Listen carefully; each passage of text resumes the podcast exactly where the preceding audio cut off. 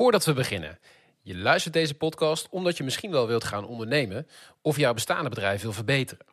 Wil je dit en tegelijkertijd je HBO-diploma halen? Dat kan. Bij de internationale vierjarige HBO Entrepreneurship opleiding van Team Academy Amsterdam. Hier word je in je studietijd op een persoonlijke manier gecoacht en krijg je tijd om uit te zoeken wat je passie is en hoe ondernemerschap je kan helpen groeien. En dat in een community van internationale medestudenten met dezelfde doelen en ambities als jij. Ben je geïnteresseerd? Er is elke maand een interactieve introductieavond waarvoor je je nu kunt opgeven op teamacademy.nl. Dan gaan we nu naar de aflevering. Tof dat je luistert naar de Job, de podcast voor, door en over jonge talentvolle ondernemers. Iedere aflevering spreken we een kwartiertje met een jonge ondernemer over een concreet dilemma waar ze tegenaan lopen. Is het bijvoorbeeld wel eens een goed idee om met vrienden te ondernemen? Je productie uit te besteden in een ver land of je boekhouding zelf te doen? Of om direct te starten met een investeerder? Dat soort vragen. Verwacht geen dichtgesmeerde succesverhalen, want wij zoeken de eerlijke en echte verhalen. En in deze aflevering het dilemma gelijke of ongelijke aandelenverdeling in je team. We gaan luisteren naar Max Nijman van Flame Away. Veel plezier met deze aflevering. Max, welkom in de podcast. Dankjewel, dankjewel. Tof dat je er uh, bent. Flame Away, ik zie hem hier uh, voor me staan, maar ja. vertel. Ja, Flame Away is in de technische term een decoratief gooibaar brandblushulpmiddel. Oké. Okay. In het beste geval is het gewoon decoratief. Maar als er brand is, je pakt hem, je gooit hem in het vuur. Het product breekt, spat uit elkaar en uh, verspreidt het blusmiddel. En blust daarmee een beginnende brand. Of stelt je in staat makkelijk een pad naar buiten te creëren. Oké. Okay. Um, ja, dit, is grappig. Ik had het niet eens zo, uh, zo, zo, zo, uh, zo bedacht eigenlijk. Maar dus decoratief, je gooit, je gooit het in het uh, vuur en dan zeg je dan, dan, dan hoe kan zoiets iets blussen? Dus het gaat uit elkaar? Kun je ja, het spat eigenlijk uit elkaar. Het is zo ontworpen dat als het valt op een ondergrond, dan breekt het uit elkaar. Zij dat een muur, zij dat een vloer, zij dat een okay. tapijt. Ja. En iedereen kan het gebruiken. Kinderen van zes jaar oud tot en met mensen die minder valide zijn en al tien Ja. jaar in een rolstoel zitten. Je kan het gewoon op de eh, grond laten vallen. Bij wijze van spreken, het spat uit elkaar en verspreidt het blusmiddel. Ja. En belangrijk daarbij is dat echt iedereen het kan gebruiken. Je hoeft niet hard te gooien, je hoeft niet sterk te zijn, je hoeft geen getrainde brandweerman te zijn. Iedereen moet het kunnen gebruiken. Ja. En kan het ook gebruiken. Maar het is dus ook wel tricky als hij op de kast staat en je stoot hem per ongeluk om. Dan... Dan gaat hij gegarandeerd kapot, want dat is natuurlijk de bedoeling. Dat Ja. is het idee. Als, in, als inderdaad het van de, uit de kast valt, dat is ook de hoogte dat iemand zoals een kind met zoveel kracht het kan gooien. Dus ja, dan gaat hij zeker kapot. Maar gelukkig is de nevenschade, de schade die het product zelf brengt, best Ja. klein. Het is een paar scherven, je veegt ze op, je dwelt de vloeistof op Ja. en that's it. Ja. En ja, je moet je kamer goed luchten, maar that's about it. Ja. Dus als er een brand is, bijvoorbeeld je kaars valt om en je vloer begint een beetje te branden, je kan hem gewoon gebruiken. En de verzekeraar is ook blij, want de blusschade is klein en de Ja. nevenschade is ook klein gebleven. Hey, en um, uh, waar is dit begonnen? Het is begonnen zo'n 4,5 jaar geleden aan een minor uh, aan de UvA Entrepreneurship. Okay. Met een uh, team van vier waar we eigenlijk een probleem zagen. Zijn de mensen hebben thuis meestal geen brandblusser. En als ze die hebben, staat die achter in de kast. Ja, out of sight, so Omdat of ze hem moeten hebben, of het geeft een veilig gevoel. Of Precies. Wat dan ook. Ja. Maar ja, als jij hem 15 jaar niet onderhoudt, kunnen er drie dingen gebeuren met zijn brandblusser. Als je hem gebruikt. Hij werkt goed, hij werkt niet, hij Ja. explodeert. Ja, ja, ja, ja, ja. Mensen onderhouden het niet, want ja, het staat achter in de kast. Je denkt er niet meer aan. Ja. Maar als er dan brand is, ja, wat dan? Je hebt geen training gehad, de blusser staat ergens verstopt. Je Mensen moet, je raken moet, in paniek. Je moet er nadenken, waar heb ik dat ding ook weer? Ja, je moet dat pinnetje eruit halen. En, uh... Ja. En hier is het gewoon letterlijk, ja, gooi het op het vuur of uh, nog makkelijker, laat het vallen op het vuur. Hey, en hoe kwamen jullie bij dat probleem? Um, ja, eigenlijk waar gingen we zoeken naar een probleem. En toen dachten we, oké, okay, weinig brandblussers in huis. We hadden, want dit concept van een gooibare brandblusser is al eeuw oud. Ouder dan de brandweer. Oké. Um, hadden ze van die glazen bollen die je aan de muur hing. En dat werkte goed. Maar ze waren heel giftig. Ze, ze raakten vorige eeuw uit de mode. Oké. Maar het concept van een gooibare blusser, die, Dat heb je meegenomen. ja, die hebben we meegenomen. En ja, het probleem van achter in de kast ga je niet oplossen door het weer een ro- vuurrode bal te maken. Ja. Je moet het iets decoratief maken. Ja, Het hoeft niet het grootste kunstwerk te zijn of een Picasso of zo. Maar het moet in ieder geval mooi genoeg zijn dat hij ergens in de boekenkast Ja, ja, ja, ja. bij zijn tafeltje staat. ja. Heel boeiend. Hey, en je zegt we? Ja. Jullie, waren met z'n vieren? We Met begonnen met een totaal? team van vier Oké. tijdens de minor. En, eh, Allemaal techneuten zoals jij? nee, of? nee, nee. Dus ik was de, de, de tech guy, de, de, Ja. de, de hacker Precies. In de termen. En de andere drie waren finance, sales en marketing. Dus allemaal business administration. Hustlers en eh één hipster. Ja, eh, exactly. Ehm, dus dat was wat dat betreft een mooi divers team. Ja. Maar daar kwam een probleem bij, want dit product is vrij technisch. ehm, in de vorm dat je gewoon heel veel moet testen. Mhm. Het product moet altijd perfect werken. Ben je daar ook begonnen? Ben je begonnen bij het testen van het product of ben je begonnen bij het valideren van het probleem? Ja, eerst het valideren van het probleem natuurlijk. Dus praten met de brandweer, interviews, market research, al dat soort dingen. Ja, Maar ondertussen ben ik als de hacker wel gaan kijken naar wat zijn mogelijke oplossingen. oplossingen. Ja. Had je er iets mee? Ehm, Met brand? deze- met- daar zijn natuurlijk wel gevallen, verhalen van brand uit mijn familie. Maar dat was niet per se de driving motivator. Mijn drijfveer was echt van het oplossen van een probleem. Daar is een probleem. Maar er waren, van, je zegt er waren verhalen van brand in je Ja, familie? Ja, dus er zijn een oom heeft een kind verloren in brand. Eh, natuur, de buren hebben een huis kwijtgeraakt met brand. Al dat soort dingen. Zo. Er zijn wel heftige verhalen, maar Ja, dat, is, dat helpt, maar dat was niet per se de belangrijkste motivator. De motivator was dat die problemen er zijn en dat je ze kan oplossen. Dat er iets moet zijn om ze op te lossen. ja. En dat die gat er in de markt was. En dat als we dat goed konden doen, konden wij die levens redden. ja. Ja, maar je, als je denkt zelf maar eens. Ik kan ook zo twee, drie mensen noemen waar een huis is afgebrand. Of iemand van school die is eh, in, eh, omgekomen in een brand. ja.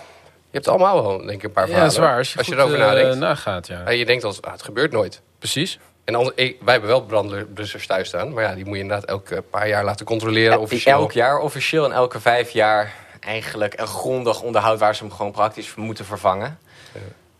De meeste mensen thuis doen dat niet. Bedrijven, ja, als jij 30 brandblussers in je gebouw hebt staan en het moet voor de verzekering, dan is het de kosten niet. Maar de meeste voorrijkosten van een gecertificeerde controleur zijn 30 tot 50 euro alleen Ja. al. Ja. Dat is meestal net zo duur als de brandblusser. Ja. Net zo duur als een Flameaway. Dus dat doen mensen niet. Maar je, precies, maar je wilde dus het probleem oplossen. Je, je, je hebt wel degelijk verhalen waardoor je misschien toch ook onbewust ergens met dit thema Mhm. wel aan de slag eh, bent gegaan. Of met dat probleem eigenlijk. Ehm, ik ben gewoon even benieuwd, hè, voordat we ook bij eh, het thema van deze aflevering komen. Wa- wa- Wat is, wat is de grootste uitdaging van het ontwikkelen en uiteindelijk ook succesvol vermarkten van dit product? Eigenlijk, ja, eh, het vermarkten, het grootste probleem met vermarkten is vooral eh, dat er nog niet zo'n soortgelijk product op de markt is. Er zijn wel Chinese ripples, Ja, ja. die zullen er altijd zijn, maar die werken niet. We hadden die getest natuurlijk. Simpel market research, ze werkten gewoon niet. Nee. Dus je hebt of de producten die, eh, het is er niet, of het werkt niet. Ja, En een goed product maken dat altijd werkt. Waar je eigenlijk met verzekeraars mee om tafel kan gaan zitten. Waar je met de brandweer kan gaan testen. Wat echt goed werkt. Mhm. Ja, dat, dat, dat wilden wij zeker maken. En dat was ook het grootste probleem daarmee met vermarkten. Is dat het er nog niet is. Nee. Dus wij moeten à la... eh, je moet het gaan uitleggen. we moeten het gaan uitleggen. En het is heel makkelijk uit te leggen met een filmpje. Don't get me wrong. We hebben één video die we altijd laten zien. Zes seconden. Een kind die het op het vuur gooit. Gewoon Mensen snappen het. Video explainer, ja. Ja, maar hetzelfde probleem als de bedrijven zoals eh, Somni, of Somnox, met, eh, Met slaap. met die slaap. Het is een nieuw product. Je Mm. moet het uitleggen. En als jij een elektrische auto maakt, zeg je elektrische auto en mensen snappen wat het is. Ja. Decoratief gooibaar brandblushulpmiddel. Ja. Mensen snappen dat nog niet. Nee, Ja, en mensen zien ook het beeld de, is belangrijk. de noodzaak nog niet echt. Die denken, ah, dat valt wel mee. Ze hebben niet voor niks ook geen brandblussers. Dus je moet ook... Er is ook een wereld daarin te winnen, denk ik. Vertrouwen. En dat mensen denken, ja, zou dat dan wel werken? Ik ken het helemaal niet. Nou, ik koop wel een brandblusser. Kan Ja. ik me voorstellen dat er is echt wel wat te overwinnen bij mensen. Exact. En Ja. dat, dat, dat is het probleem van vermarkten. Lukt nu aardig goed. Ehm, ja, dat vereist gewoon eigenlijk veel marketing. Waar, precies. En dat, dat, is, dat is sowieso natuurlijk eh, eh, heel belangrijk bij zo'n product. Waar, waar sta je nu daarin? Eh, we zijn nu afgelopen jaar hebben we grote sprong erin gemaakt. Veel prijzen gewonnen, veel publiciteit gekregen. Het merk versterken. En dat was ook het doel voor vorig jaar. Want als je een sterk merk hebt, word je er lastiger uitgeconcurreerd door slecht werkende varianten. Oké. Als jij een veel verkoopt, helpt dat ook. Mhm.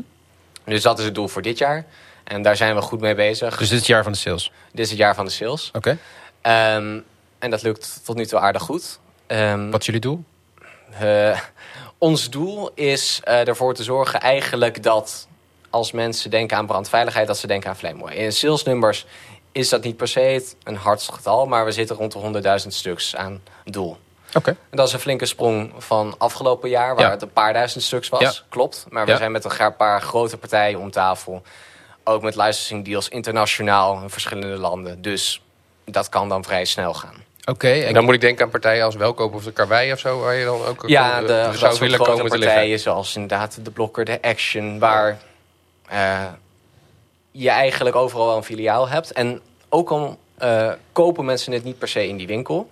Als je in zeven verschillende winkels een product hebt zien liggen, dan is jouw vertrouwen in dat product bijna automatisch groter dan als je het alleen online in een Hmm. marketingvideo hebt gezien. Want ja, je moet iets zeven keer gezien hebben voordat je het onthoudt Geniaal, zulke onderzoeken. dat, ja, je kan het wel zeven keer op een Insta-reel hebben gezien.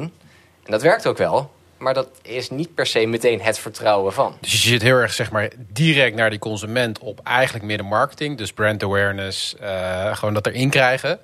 Terwijl je salesstrategie is echt B2B retail. Ja, nu zijn de meeste van onze sales gewoon de webshop. Eh, die- die dus nu nog e-commerce. B2C direct via de webshop. Want eh, dat is gewoon een goede manier Ja. voor twee redenen om wat cash binnen te halen. En daar Ja. heb je natuurlijk een hogere marge. Ja.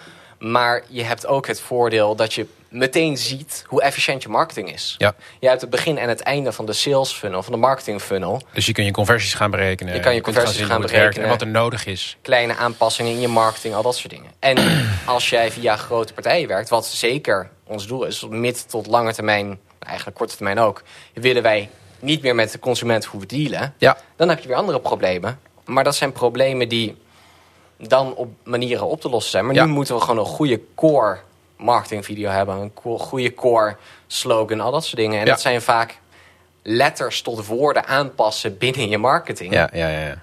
Maar dat is nu wel een makkelijke manier om dat te doen. Ja, duidelijk. Hey, je hebt het over we.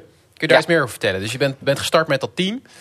Ehm, je bent eh, nu nog met dezelfde mensen, of niet? Nee, nee dus wij we zijn dus nou, halverwege 2019 zijn we begonnen met de minor. Oké. Kwamen samen, hebben we dat gedaan tot eind van de minor was begin 2020. Ja.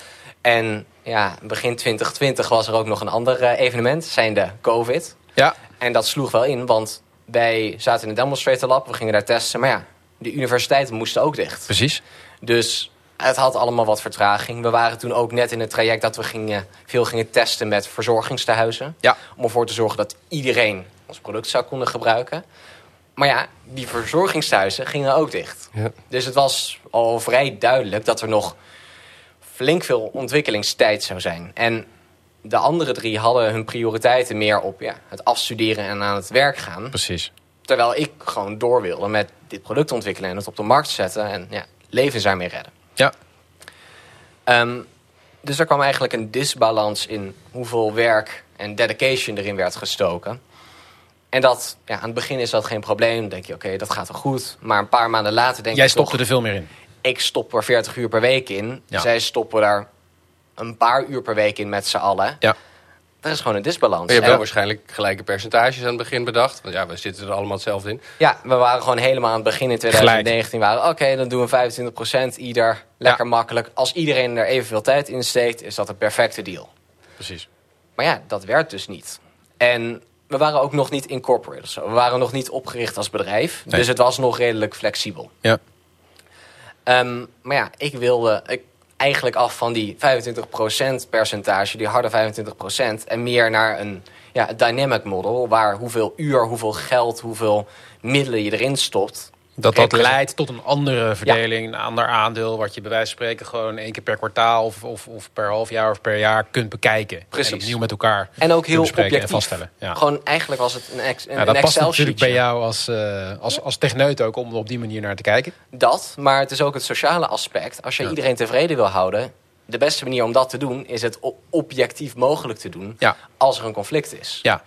En, En toen- hoe werd erop gereageerd, op, jou, op dat voorstel? Ja, eerst wilden ze het niet, want zij zagen natuurlijk ook dat hun percentage dan omlaag zou gaan. Ja. Maar daarom was het heel fijn. Bij het Demonstrator Lab had de directeur Davide Januzzi had ons gemediate. Die werd onze mediator Mooi. eigenlijk. Heel goed. Ehm, en natuurlijk waren dat eerst stappen zoals gewoon het oplossen met taken. Dus ik, ja, ik was eigenlijk in praktijk de CEO, want ik deed de productontwikkeling en had een beetje het overzicht over alles. Dus ik zei, oké, Ja. kunnen jullie een website opzetten? Maar dat werd niet of niet goed genoeg gedaan binnen de tijdsframe. En ja, je hebt wel een website nodig, want dat is ja, je uithangbord. Een belangrijk kanaal, ja. Ehm, ook al vroeg, want we gebruikten het voor surveys en andere informatie. Dus het, het was belangrijk. Maar dat kwam niet op tijd genoeg. De afspraken werden niet genoeg nagedaan. Dus toen gingen we naar dat dynamic model. Ja. Want dan vond ik het gewoon niet eerlijk dat als ik de tijd erin stopte, dat er niet evenveel was. En eh, de directeur Januzzi had al vaker dit probleem natuurlijk tegen. Met het heldje, bijltje gehakt. Ja, precies dat. Maar ook, Ja. ehm, hij, had al hij had een oplossing, een proposal. En dat was de Slicing Pie model. Ja. Slicing pie. Ja, Slicing Pie. Mhm. Dat is een dynamic share model, zoals dat dan heet. En dat is eigenlijk, wat ik al omschreef... hoeveel je erin stopt, is afhankelijk van hoeveel procent je hebt. Mhm. Dat werkt vooral goed in de fase waarin wij zaten, nog voor oprichting. Mhm. Want we konden in een demonstrator lab zijn... zolang we geen bedrijf waren... Mhm. Ehm, en van hun middelen gebruik maken zolang we geen bedrijf waren. Dus wij Ja. waren nog geen bedrijf. Ja. We waren een idee, een Ja. concept, een Ja. projectje. Precies. Ehm, dus dan is dat vrij makkelijk. Want je aandelen staan letterlijk alleen op papier of in een Excel. Precies. Na wat onderhandeling waren we inderdaad zover dat iedereen accepteerde dat een slicing Dat dat een model werd. Dat dat een model werd, want het was ook meer future-proof voor investeerders. Ja. Want dan heb je een duidelijk systeem, hoe en wat alles berekend wordt. Hey, kun je nog heel even, want eh, het verschil tussen slicing pie en dat, dat dynamic model? Ja, slicing pie is een dynamic model. Precies. Ehm, want een dynamic model houdt in dat je aandelen Dat het verandert. verandert. Ja. Ehm, en slicing pie is eigenlijk een rekenmethode daarvoor. Oké. En dat is heel simpel. Je totaal eh, aantal eh, aandelen zijn je aantal uren keer het, de waarde van de uren die erin zijn gestopt. die Precies. onbetaald zijn. Ja. Plus vier keer het, de cash die erin is gestopt. Oké. Zo wordt ja, harde cash nu meer gewaardeerd dan uren. Ja. Want dat is vaak meer waardevol. Als jij een ton investering krijgt Ja. in week 1 van je start-up... is dat meer waardevol dan zoveel uur erin stoppen. Want je hebt het nu. En je hebt het nu nodig voor materiaal, Mhm. voor proof of concept. Al dat soort dingen heb je dat gewoon nodig. Goed opletten, Hans. En eh, het voordeel daarvan is dat als jij je uren bijhoudt... en toen zeiden we gewoon, ja, ieders uur is evenveel waard... want het zijn nog allemaal eh, bachelorstudenten... Mhm. dan is het heel makkelijk te berekenen... wie hoeveel procent van de aandelen heeft. Ja.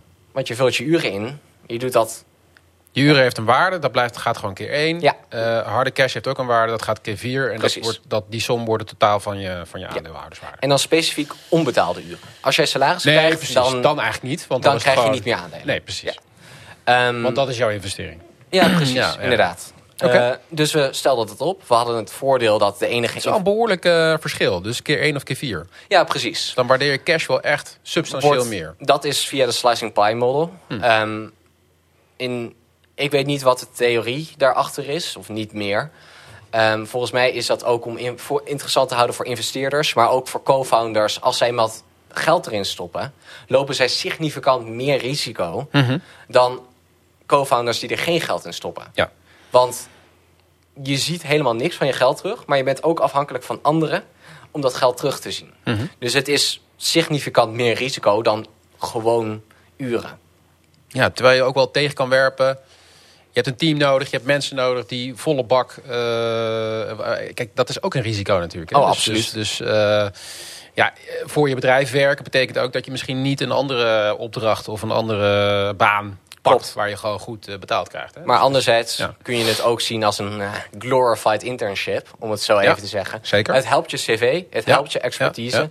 Dus je verliest ja, eigenlijk alleen tijd. Ja. Je wint er een heleboel mee, maar je verliest vooral Maar tijd. je kunt dus die parameters kun je vaststellen. Ja. En zijn je daar uitgekomen? Iedereen was akkoord? Of? ja, uiteindelijk was iedereen akkoord. In ieder geval om die berekeningen toen de slicing pie model als leidend model te gebruiken. Mhm.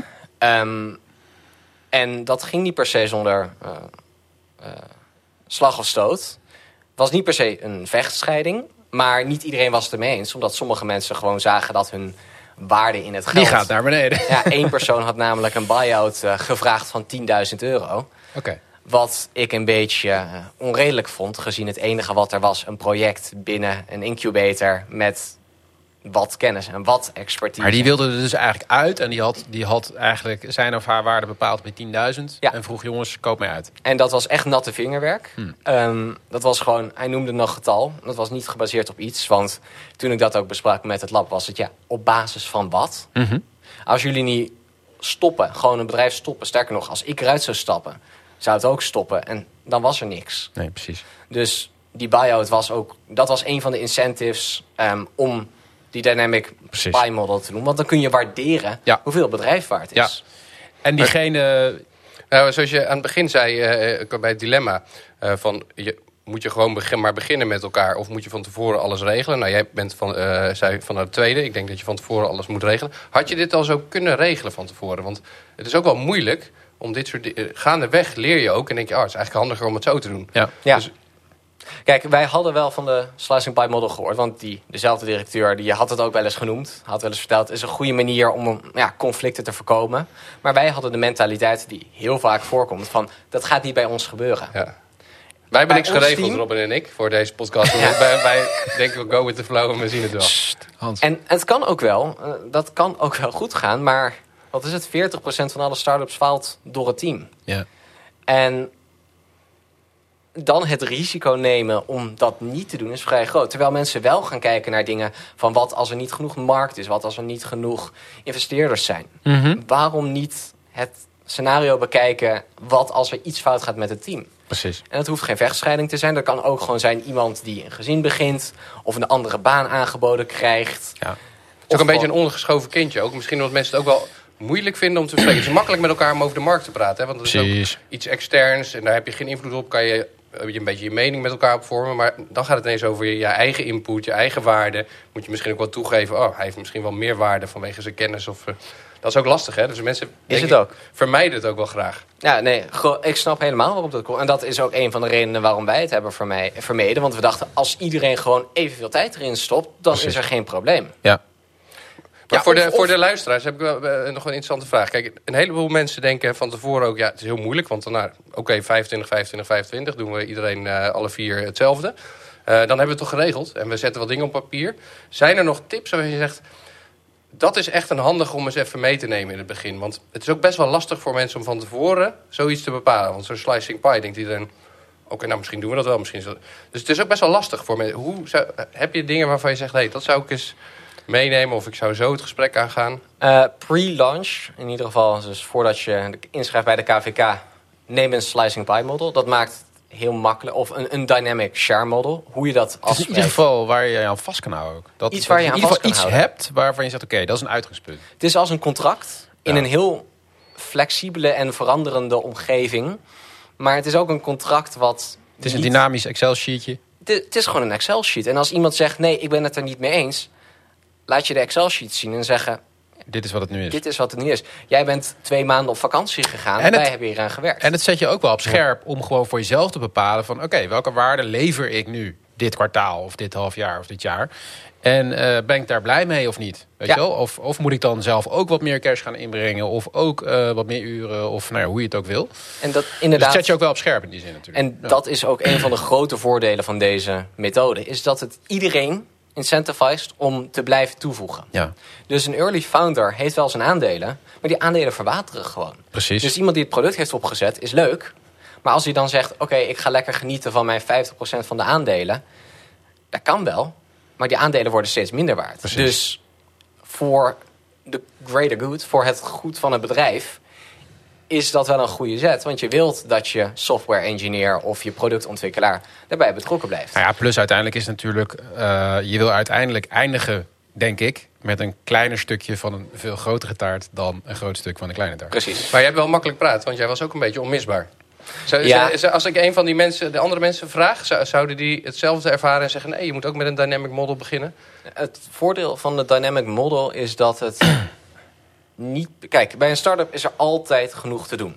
Ja. Als zij vol waren doorgegaan, was er nog genoeg te doen geweest. Al was het alleen maar sales genereren, met verzekeraars om tafel gaan, met grote distributeurs om tafel gaan, om alvast die deals te sluiten. En ook al is het product pas over twee jaar klaar, dan heb je in ieder geval die weg naar binnen. En nu een bedrijf aanschrijven met, hey, we hebben een product, is gewoon een stuk lastiger dan als Ja. je al een weg naar binnen hebt. Ja. Dus het is niet dat er nooit genoeg te doen is in een start-up, want dat, dat Nee, is helemaal eens. Helemaal eens. altijd meer dan genoeg te doen. Ja, klopt. Maar ja, het incentivized iedereen, Precies. ook de productontwikkelaar, Ja. om gewoon zijn werk te blijven doen. Hey, en waar heeft dat toe geleid? Dus wat was de impact van dit model? Je zegt, we zijn nu met een ander team dan toen. Ja, dus toen kwam het er eigenlijk op neer dat ik 95% van de aandelen had na een jaar. Dus na een half jaar fulltime werk had ik eraan gestopt. De rest had een stuk minder uren gedraaid. Ja. En waren hun aandelen zo significant verwaterd... Zo. dat het gewoon van 25% naar 5% met Precies. drieën was gegaan. Precies. En ja, de schatting was dat het product nog veel tijd zou nodig hebben om het te ontwikkelen. En de anderen wilden eigenlijk door met hun leven. Die, wilden, die hadden nog steeds wel passie voor het product. Ja. Maar ze wilden... Maar uiteindelijk is dat niet genoeg. Passie is niet Je moet je genoeg. je moet ook de tijd tonen in, in, in, ja. in daden. Ja. En dat, dat werd heel pijnlijk zichtbaar. Dus hoe snel dat eigenlijk ging. En dus ook hoeveel tijd jij erin stopte. Precies. En eh, hoe dat scheef liep met, eh, met hun investering. En eh, we hadden het voordeel dat we een mediator hadden. En dat is ook mijn grote tip. Als er een conflict is, neem een Ja, persoon Een hele die geen tip. belang in heeft. ja. Want en dat is altijd met ondernemen. Er zijn altijd mensen die meer ervaring en meer kennis en meer kunde hebben dan jij. Maar wel iemand dus die wel eh, ondernemer is. Of Ja. onderne- in de, in de businesswereld zit. Idealiter wel, die weet hoe het is om het mee te maken. En zij dat een docent van je opleiding of zij dat een professor of een, bij de incubator center of bij een network event, Mhm. maakt niet uit. Eh, wel een beetje wat ervaring heeft en weet hoe zwaar het is, het ondernemen. Ja. ja. hey Max, wat vond je het moeilijkste tot nu toe? Eh, van dit, Gewoon het hele proces. motivatie eigenlijk. Want nu 4,5 jaar zijn we ermee bezig. En eh, je ziet de eerste zoveel jaar zie je daar helemaal niks uitkomen. Ja. Je hebt hele diepe dalen en Ja. hele hoge pieken. Ja, Maar die diepe dalen zijn meestal een stuk langer dan de hoge pieken. ja, En ja, dat hoort erbij. Dus het is heel langzaam heel veel werken naar iets wat heel langzaam groeit. En dat is gewoon lastig. Zeker met die lockdowns en alles. Het lab ging dicht. Ik moest het vanuit mijn eh, eetkamer doen. Ja. Maar hoe heb je dat dan behouden? Heb je, heb je ook een speciale... Nou, eh, Robin vraagt altijd, is er iemand die je inspireert? Iemand of iets waaruit je ja energie waar, haalt? waar hield je aan vast? Eigenlijk, eh, wat mij hier voordreef was eigenlijk koppigheid. ik heb er al zoveel tijd in zitten. Maar ook het, je kan hiermee levens redden. Je kan hier zelf je mee bewijzen Je hebt dat... een missie, ja, ja. Je hebt een missie, maar je kan ook jezelf bewijzen dat niet alleen de grote bedrijven een nieuw product op de markt kunnen zetten. In een lastige markt zoals deze. Maar ook iedereen die het de moeite neemt en de tijd neemt. Ja. Eh, maar ja, kijk, als inspiratiebron heb ik recent Sam Roon. Dat is eh, oprichter van Red Mijn Pakketje en nog een paar andere serieondernemer. Mhm. Heel down to earth. Ik heb, ik kan hem altijd vragen om advies, maar die is ook duidelijk. eh, heeft een doel, heeft een missie. Een probleem wat hij zag, kwam hij eigenlijk altijd zelf tegen. Hij begon met Ja. foodcarts, Ja. want hij merkte dat er gewoon geen goed eten was. Ja. Maar ehm, hij ziet ook, en dat zie je ook vaak bij geslaagde ondernemers, dat ze heel erg een mening hebben van je moet mijn pad volgen.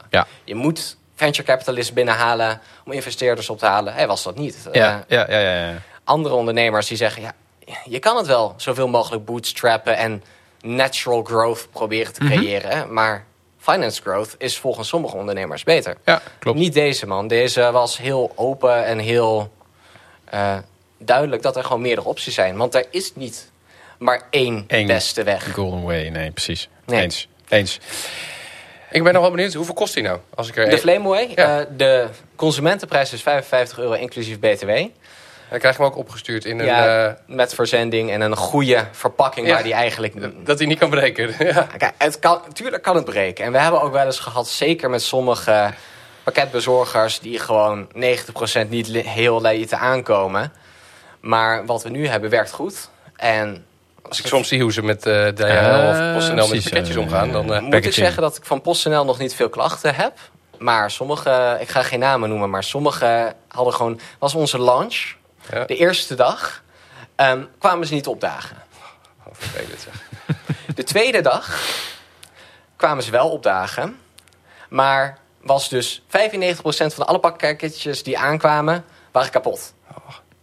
De dag daarop Zuur. kwamen ze een uur te vroeg, waardoor we de helft van de pakketjes nog niet klaar Konden hadden. meegeven. Ja. Ja, dus, ehm, en toen in die maand... Startup problems. eh, Ja. zijn dit, eh, dit zijn Ja, echt, eh, ja, zeker ja. Ja, en het was niet alsof ze de goedkoopste waren. Nee. Ze, wat de afspraak was dat ze het zouden vervoeren als waren het een taart. En een taart ga je niet mee smijten, ga je niet Nee. ondersteboven houden. Dus ja, dat was ook nog... En toen reageerden ze niet meer op mijn berichten. Dus kreeg je wel deurwaarders aan de deur. Want Ja, ze hadden precies. ook nog verkeerd gefactureerd. ja. Wat niet volgens ons contract was, kreeg ik deurwaarders aan de deur. Maar ze reageerden ook niet op mijn aangetekende brieven en Ja, zo. ja, ja. Dus die deurwaarders hebben toen ook maar gezegd... ja, we kunnen hier niks mee, we laten jongens. het. En dit is, Ja. dit is het dus. Hè? Ja. dus. Wat jij nu even in een notendop vertelt, dat is dus ook al die ellende waar je mee te maken krijgt. En je moet het oplossen. En, eh, daar sta je dan het liefst wil jij gewoon bezig zijn met dit product eh, naar het volgende level krijgen. Ja. En tegelijkertijd ben je met pakketjes en dingen kapot en klachten en deurwaarders. De hele tijd brandjes blussen. Precies, Ja. precies. Eh Ja, mooie mooi metafoor. Ehm laatste vraag, Max. Wie moeten we uitnodigen hier aan tafel? Jonge ondernemer, inspirerend. Eh, dat zou ik eerlijk gezegd eh, niet 1, 2, 3 weten. Denk er even over na. Ja, zal ik dan, doen. eh, leuk als je Ja. iemand aandraagt. Misschien ook weer vanuit jouw community, Delft, eh, Amsterdam. Meer de technische eh, Ja. kant vinden we leuk. Eh, mocht er iets... Ik, eh, heb, ik weet er nog wel een paar, maar ik weet niet of die binnen jullie leeftijdsgroep vallen. Noem er eens een. Eh, je hebt eh, Laurens. Mhm. Eh, en Laurens is van DC eh, Innovation heet het geloof ik. Ja. Eh, en dat is een bedrijf wat eigenlijk een eh, all-in systeem probeert te maken voor ja, direct currents.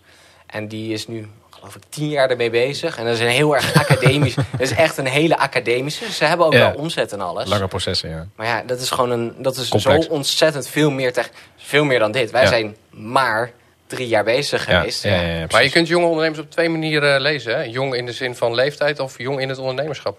Ja, Dus, ja eh, nee, precies. precies. Ja. Dus dat, dat is een hele interessante persoon. En dat is ook echt zo'n eh, een hacker.